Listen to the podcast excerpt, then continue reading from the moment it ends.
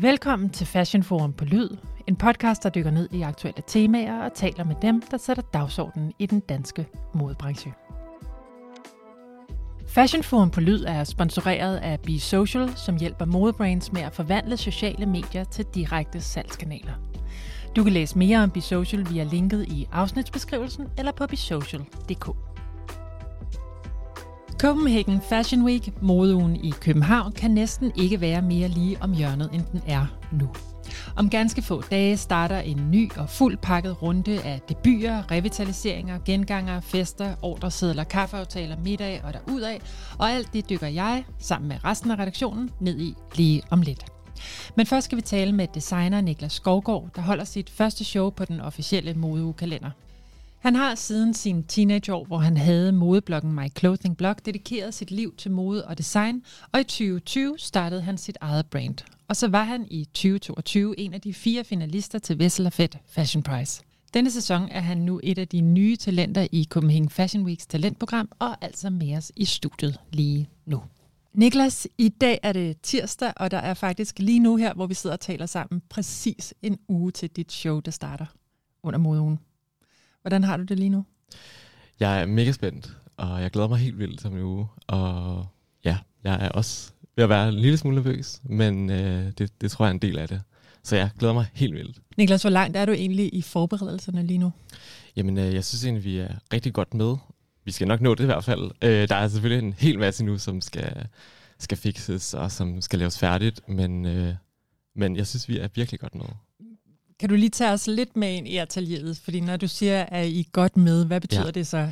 Betyder det, at kjoler og jakker og det hele kollektionen, den er næsten færdig, eller hænger det helt færdigt og skal bare lige rettes til? Hvad, altså hvordan det, ser det ud? Øhm, der er, lige nu er der fyldt med kjoler, øh, når man kommer ned fra atelieret. Det er virkelig, øh, der hænger så mange kjoler over det hele. Og jeg tror, jeg kan sige, at næsten alt, vi gerne vil vise, hænger helt klar det hele skal lige sådan fittes endeligt, og der mangler sådan små detaljer og mm. i sådan nogle knapper og sådan nogle små ting. Men øh, som udgangspunkt så hænger alt, hvad jeg ligesom drømmer om at vise, færdigt dernede. Så lyder det til, at du er ret godt med. Ja. Men Niklas, vil du ikke lige øh, beskrive dit brand og det tøj, du laver? Jo, selvfølgelig. Altså sådan rent sådan baggrundsmæssigt, så, øh, så startede det hele i 2020 i en sommerferie øh, med min kæreste, hvor jeg i en genbrugsbutik købte en sådan lille bitte børnevæv, mm. som jeg sådan set bare ville, øh, ville bruge som sådan en lille sådan sommer øh, hvad sådan aktivitet. Så jeg arbejdede ligesom på den her lille væv med at væve nogle små sådan, øh, tekstiler, og fandt sådan ret hurtigt ud af, at man med en væv jo kunne væve stof. Så efter sommeren, der købte jeg så en lidt større væv, som jeg så kunne lave større tekstiler på. Og med de her større tekstiler, der øh, prøvede jeg så at lave en, først en jakke, og så en frakke, og så en kjole. Og så i løbet af det næste år, der udviklede jeg ligesom sådan en og de her øh, stykker tøj, jeg lavede med det vævede stof. Og til sidst så havde jeg så, så meget øh, samlet, jeg havde lavet, at jeg kunne lave det til en første kollektion. Og det var sådan set en meget kort introduktion til starten af brandet, mm. øhm, og det leder mig så op til, hvor jeg er i dag. Nu har jeg lavet seks kollektioner, øhm, og de håndved tekstiler er stadigvæk en virkelig stor del af brandet, øhm, og de bliver brugt til sådan jakker og frakker, som jeg så blander med øh, altså købte tekstiler, som for eksempel øh, sådan lidt modsatrettede tekstiler, som for eksempel sådan en silketaft, eller sådan en, sådan en, en jersey, sådan mm. en, sådan en tung jersey. Øhm, og jeg vil nok beskrive det tøj, jeg laver, som værende sådan rimelig eklektisk på en eller anden måde. Øh, jeg arbejder meget med sådan volumen, og, og også meget med tekstilerne i sig selv, øh, og meget med sådan kontraster. Og det tror jeg både er sådan, både i sådan looket i sig selv, øh, men også med sådan de enkelte pieces. Og jeg vil sige, at, at sådan, jeg har helt sikkert en æstetik eller en stil, der på en eller anden måde er sådan, spiller på noget ret klassisk på nogle måder, men så er der helt klart detaljer i tøjet, som, som gør det er meget mere sådan, øhm, har en anden kant, end at det er ikke sådan, det er ikke bare klassisk. Altså, og jeg tror, et godt eksempel for sådan at forsøge på en eller anden måde at male billeder af, hvad det er, jeg laver, så, så kunne det eksempel være sådan, I ved, en stor volumøs kjole, hvor en del af kjolen for eksempel er lavet i jersey. Mm. Altså et materiale, som, som man måske umiddelbart ikke tænker hænger sammen med en stor kjole, som jo er sådan, jersey er noget, vi tager på til hverdag, eller sådan, I ved. Så på den her måde med at arbejde med kontrasterne, mm. øhm, det synes jeg er super spændende. Helt klart. Niklas, nu sagde du, at du har lavet seks kollektioner op til nu. Ja. Hvem har du i tankerne, når du designer? Jamen altså, egentlig tror jeg faktisk, at jeg har meget mig selv i tankerne på en eller anden måde. Øh, jeg tror sådan, jeg er en, altså, identificerer mig som mand, øh, men har altid tænkt på kvindetøj, øh, og har altid set min mor tage tøj på. så mm. sådan, på en eller anden måde har jeg altid lidt, tror jeg, tænkt sådan, hvordan ville jeg selv gå klædt, hvis jeg var en kvinde? Eller hvad kunne jeg godt tænke mig at tage på selv? Så, så jeg tror faktisk, det er sådan, det er jo meget, altså, det er jo det er meget mig selv, jeg har som udgangspunkt tit. Og Niklas, du, du er jo faktisk autodidakt designer. Du har hældet dit liv til dit endnu unge liv til mode fra en meget ung alder. Ja. Autodidakt designer, væver, skrædder. Har det været et benspænd på nogen måde, at du ikke kommer fra en af de anerkendte designskoler? Altså, der med at sige, at jeg kalder ikke mig selv for skrædder. Øh, det føler jeg et erhverv, der er sådan helt noget for sig selv. Øh, men jeg kalder mig selv for designer og væver, ja. Øh, og jeg tror, det er med det, som det er sådan med så mange andre ting, at, at der er sådan fordele og ulemper ved det. Øhm, og jeg tror for mig er en af fordelene, altså at man kan sige, at både mode og kreative brancher er en af de brancher, tror jeg, hvor det er jo virkelig drevet af kreativitet og folk med sådan virketrang og idéer. Altså sådan. Og det tror jeg er en af de ting, som man ikke nødvendigvis kun kan lære sig til. Eller sådan. Jeg tror også, det er noget, vi ligesom, det er noget, man har i sig på en eller anden måde, eller sådan, I ved, som, mm. som kommer naturligt. Og derfor så tror jeg også, at en af fordelene ligesom kan være, at når der kommer nye tanker ind i mode, øh, så kan det være med til at tage tingene et nyt sted hen på en eller anden måde, eller øh, være med til at sætte et nyt perspektiv ind på, hvordan ser vi tøj, eller, altså, fordi der er jo aldrig nogen, der har fortalt mig, hvad jeg må og ikke må, eller skal og ikke skal. Altså, det, er jo, det er jo bare drevet af sådan nogle naturlige impulser for, hvad jeg tænker, eller sådan, hvad jeg har lyst til øh, at gøre med det tøj, jeg laver. Så det tror jeg kan være en fordel, at man måske får et nyt perspektiv på.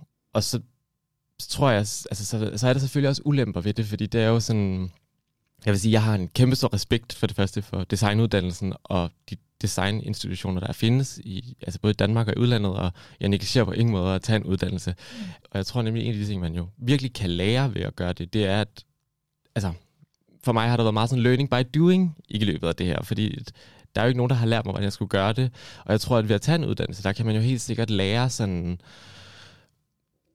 altså masse praktik omkring det at lave tøj. Altså sådan, hvordan konstruerer man? Hvordan, mm. altså, hvordan syr man? Altså sådan, hvordan bygger man en kollektion op? Hvordan får man ting produceret? Altså alle sådan nogle ting. Hvor sådan, der har jeg jo mere selv skulle sørge for at finde ud af alle de her ting. Og det tror jeg helt klart, at sådan, der kan man få nogle værktøjer, som er meget altså, gode at få igennem en skole. Og så tror jeg også, at det er jo ligesom sådan, at jeg, jeg føler tit, at jeg møder spørgsmålet sådan, ikke så tit sådan, har du gået i skole, men det er meget sådan, hvor har du gået i skole? Altså det er jo, jeg tror, det man, jeg, jeg ved ikke, om man formoder jo tit, og det gør jeg nok også selv, når jeg møder nogen, så er det sådan, jeg spørger også selv, hvor har du så gået i skole henne? Eller sådan, det formoder man jo lidt nogle gange, at, yeah. eller det gør jeg selv i hvert fald. Og når jeg så siger, at jeg ikke har gået i skole noget sted, så er der jo virkelig mange heldigvis, der synes, det er fedt, og som synes, det er spændende, at jeg alligevel kan det, jeg kan, og er nået dertil, hvor jeg er nået. Og så er der selvfølgelig også dem, som på en eller anden måde sådan, hænger sig i det, eller som synes, det er sådan altså som så ser mit arbejde på en anden måde. Og man mm. kan sige, en, en ulempe er jo også, hvis det lige pludselig tager fokus væk fra mit arbejde. Hvis det tager fokus væk fra mit, det, jeg rent faktisk laver, øh, mm. så kan det jo være et benspænd. Men som udgangspunkt synes jeg, at folk er meget forstående over for, at der ligesom findes forskellige måder at arbejde med det her på. Og jeg tror for mig selv, når jeg ser andre designers arbejde, så er det ikke sådan, jeg tænker, at jeg skal finde ud af, at den her person er gået i skole henne. Jeg tror, jeg interesserer mig i, hvad er det, den her person laver, eller hvad er det, jeg synes, det kan det her. Øhm. Man kan jo også sige, at øh, du har jo både været en af fire finalister i Vessel og Fed ja. Fashion Prize, og nu er du så en del af Copenhagen Fashion Weeks talentprogram. Begge dele ret fine blåstempler, vil ja. sige, hvis, hvis nogen skulle hænge sig i det. Ja. Øh, det her med at være en del af New Talent-programmet, hvad betyder det? Det betyder super meget. Jeg er virkelig meget glad og stolt og spændt over at være en del af det, og jeg synes virkelig, at... Øh, den støtte og det arbejde, som Copenhagen Fashion Week altså yder for new talent, eller altså nye talenter, øh, er virkelig beundringsværdige. Og jeg synes også, det er en virkelig vigtig støtte, altså fordi det er jo altså, svære tider, og det er en virkelig svær branche at, at navigere i. Så jeg synes, at det, er sådan, det ansvar, de løfter på en eller anden måde, det er, er virkelig sejt, og, og jeg tror virkelig, de kan med til at sætte julen i gang for nogle nye talenter. Og udover en, en økonomisk øh, støtte til show, hvad har du så mere fået som en del af det her program?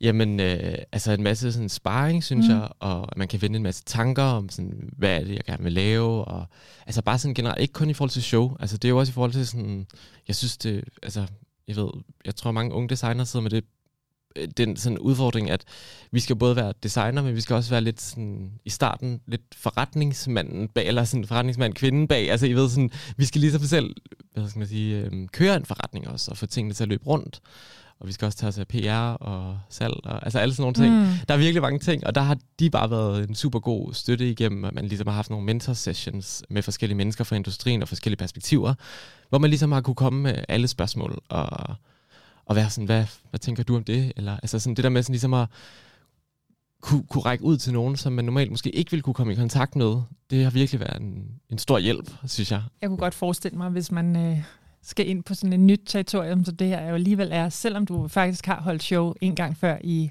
under Copenhagen Fashion Week i 2015. Ja. Kan du egentlig ikke lige sætte et par ord på det? Hvad jo. var det for en oplevelse? Jamen altså, øhm, som du har sagt lige før, så har jeg jo været på en eller anden måde interageret med mode, siden jeg var altså, ret ung. Øh, og jeg tror, at jeg har altid elsket mode, altså sådan, lige siden jeg var barn. Og jeg voksede op på en lille ø, der hedder Turø, som ligger nede i Svendborg. Øh, og der var ikke sådan super mange øh, smarte butikker omkring der, og der var ikke sådan, ja, jeg ved, det var ikke sådan et mode mekka på den måde, eller hvad skal man sige. øhm, så jeg tror sådan allerede fra, sådan jeg var helt ung teenager, der har jeg ligesom interageret med moden sådan online, altså gennem blogging. Og da jeg så flyttede til København for, for 10 år siden, der tror jeg ligesom, at jeg sådan, nu, nu, nu skal jeg være designer, fordi det har ligesom vidst, siden jeg var 8, det er det, mm. jeg gerne ville, så det har ligesom været min, jeg ved, sådan, vokse op på en ø og sådan, skulle til en større by, hvor jeg sådan, der er helt klart et miljø for mig, hvor jeg kan trives og færdes på en eller anden måde og arbejde. Så da jeg så kom til København, var jeg meget sådan, ja, jeg var ung, jeg var 20 år gammel, og var sådan, nu, nu er det nu. Øh, så, så jeg fik en, det man kaldte dengang en off-schedule plads på Copenhagen Fashion Week. Der var sådan en, en lidt anden tilgang til nye talenter, både fra Copenhagen Fashion Week dengang, men også ja. moden generelt på det tidspunkt. Og holdt så et show, øh, så havde jeg ligesom lavet en kollektion, som jeg så viste. Og sådan, når jeg ser tilbage på det nu, så er jeg sådan, jeg var kun 20, og jeg var nok lidt ung og lidt, sådan, lidt naiv i forhold til at tro, hvad, eller tænke sådan, hvad kræver det egentlig at gøre det her, og hvad er det, sådan, man skal kunne, og jeg ved sådan, hvad, det, ja, hvad kræver det at holde show, hvad kræver det at bygge et brand op, og det tror jeg ikke helt, jeg var sådan bevidst om. Og det er jo sådan noget, man, man ligesom lærer hen ad vejen på en eller anden måde. Hvad, hvad, øh, hvad fungerer, hvad fungerer ikke? øhm, så ja. Hatten af, før du kaster dig ud i det projekt som 20-årig. Tak. Øhm, I forhold til den bæredygtige agenda, som uh, Copenhagen Fashion Week har, der blandt andet indebærer 18 minimumskrav til produktion og materialer show, hvor, hvor ligger du der her? Hvordan er, er bæredygtighed noget, du forholder dig til i dit arbejde? Det er selvfølgelig en super vigtig ting i mit arbejde også. Altså jeg føler, det er det, det er en ting, man ikke kan komme udenom overhovedet, altså man ikke skal komme udenom som ny designer. Og man kan sige, altså hvor jeg er med mit brand lige nu, der øh, alle de vævede tekstiler, de bliver jo lavet i, her i København. Øh, altså dem væver vi selv her i København og producerer alting her.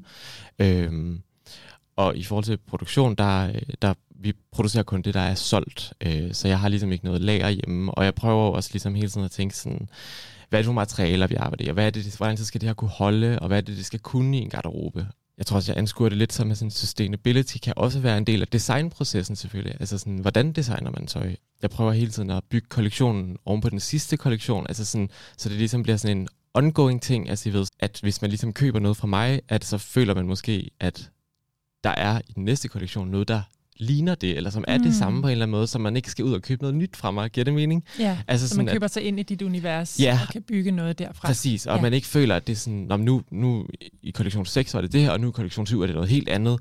Altså der er sådan en meget klar rød tråd i forhold til sådan looket, mm. som jeg også tror kan være sådan have en approach i forhold til sustainability, at det ligesom er en, en mere sådan bæredygtig mm. garderobe, der holder over længere tid. Ja. Men her til sidst, øh, hvad håber du, at det her show, det kan bringe med sig Jamen, for dit øhm, brand og for dig videre? Altså, for det første, så er det jo allerede en kæmpe læring i forhold til sådan at, at skulle køre et brand, som nu holder et show. Så jeg håber selvfølgelig, at, at det på en eller anden måde sådan udbreder sådan min vision og det, jeg gerne vil sige med mit tøj, eller sådan, I ved, at det på en eller anden måde sådan er med til at ja, etablere mig mere som mm. designer. Øhm, jeg synes, det er så svært at sige, hvad det bringer med. Altså, det, det må jeg vente og se, føler jeg. Det må vi se, og nu ja. tænker jeg også, nu er alt dit fokus på på det show, der skal holdes. Ja, præcis. Så må vi tage det videre ja. i en ny snak efterfølgende. Ja. Niklas, du skal i hvert fald have tusind tak, fordi du kom, og rigtig meget held og lykke og knæk og bræk og alt det der, hvad man siger. Tak, og tak fordi jeg måtte komme. Tirsdag. Tak.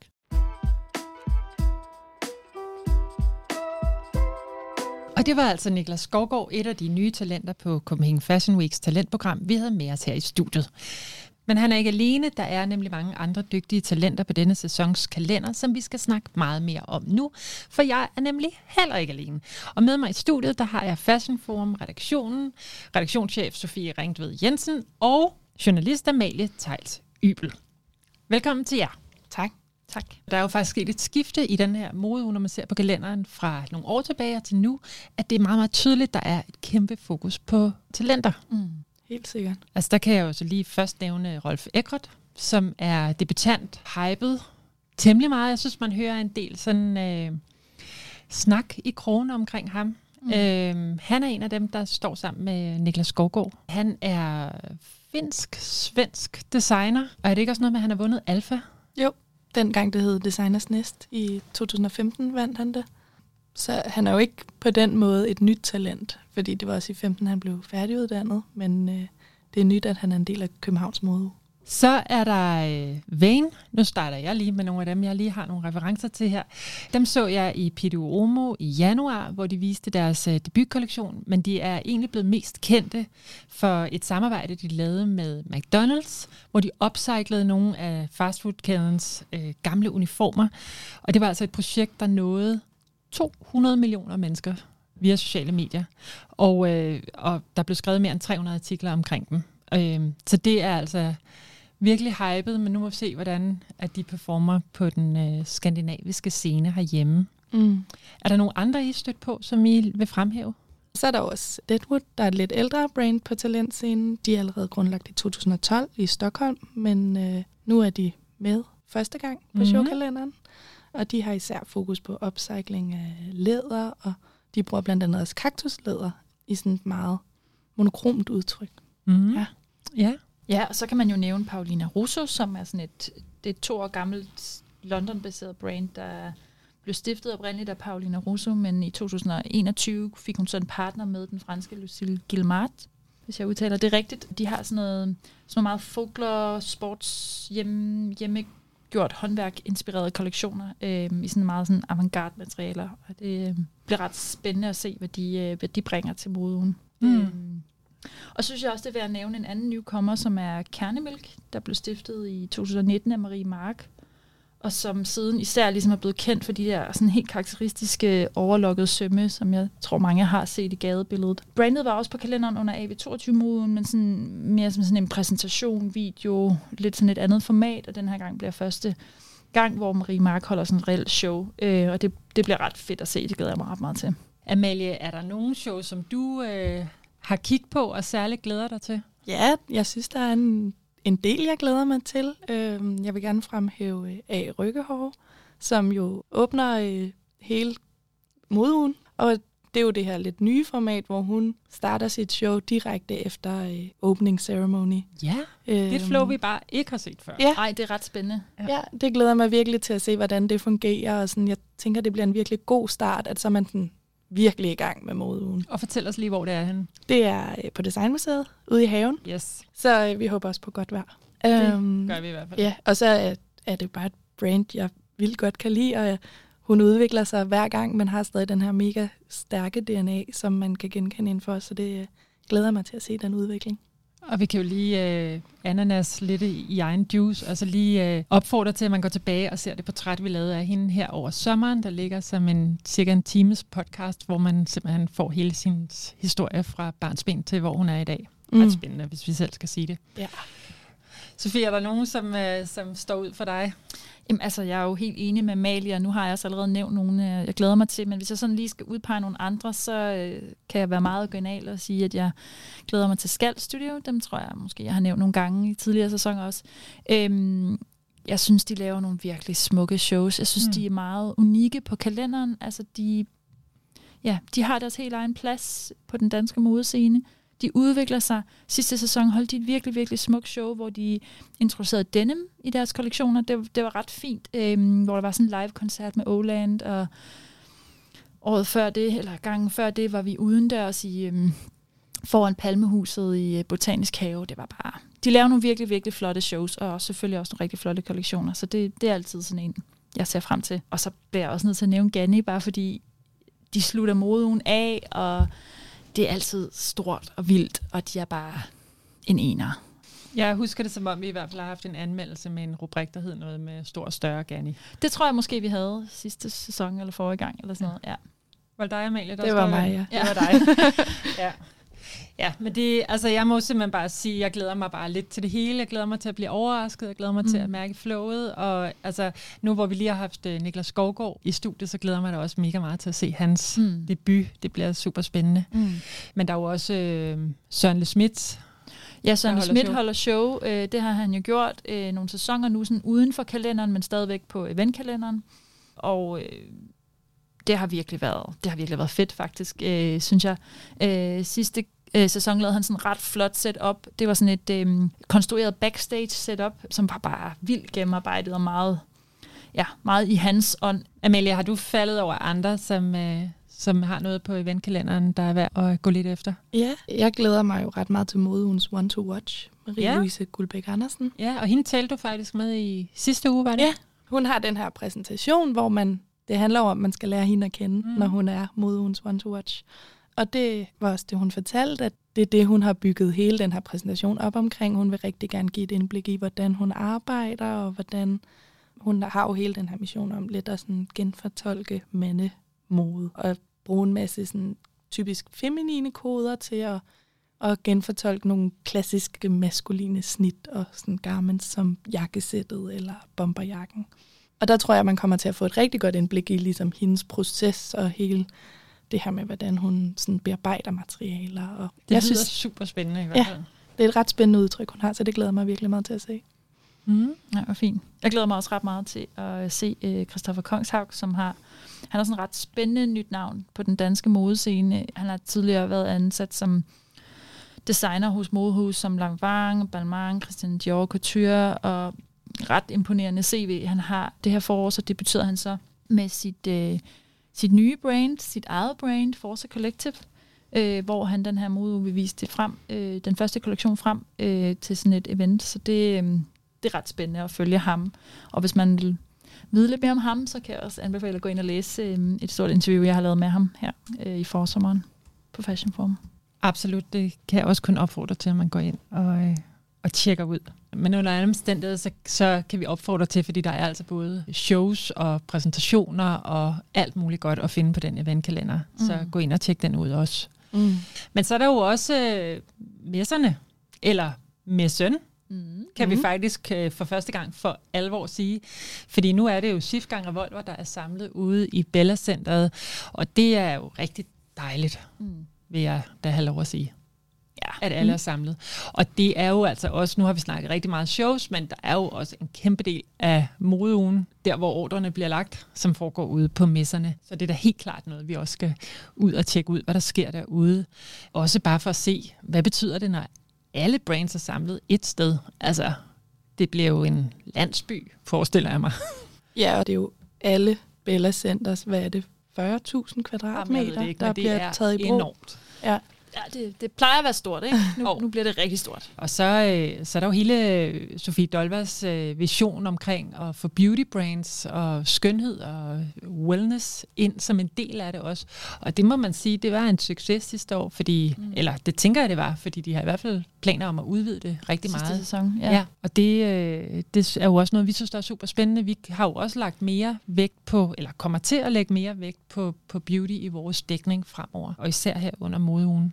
Så det er bare super spændende. Mm. Og der kan jeg også godt opfordre til, at man følger med blandt andet på vores Instagram, hvor vi kommer til at lave en del backstage-reportager og den slags, også hvis man er nysgerrig på make-up-tendenser. En af de nye ting, der jo også er med, øh, med SIF og Revolvers sammensmeltning, mm. er jo det her store øh, forbrugershow, de holder om mandagen i modeugen, som allerede ved sidste sæson var rigtig stort, og det virker til, at de har lagt i kakkelovnen til noget endnu vildere den her gang, Og hvor at øh, Åland og Emil Kruse også kommer og spiller. Så. Og det er jo altså et show, der er åbent for alle. Man skal bare købe en billet.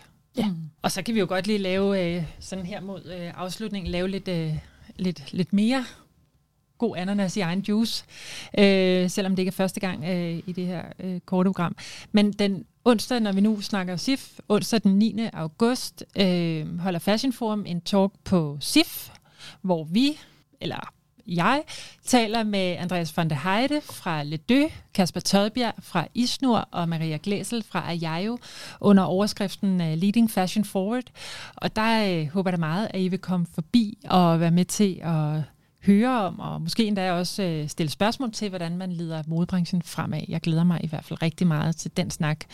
Og så øh, på fredag, den 11. august, der bliver det altså der bliver det rigtig hyggeligt. Ja. Øhm, som I måske har bemærket, så har vi jo fået en ny identitet på Fashion Forum. Nyt logo, det hele noget, vi har arbejdet længe og hårdt på, eller især E-Type, som står bag, har gjort.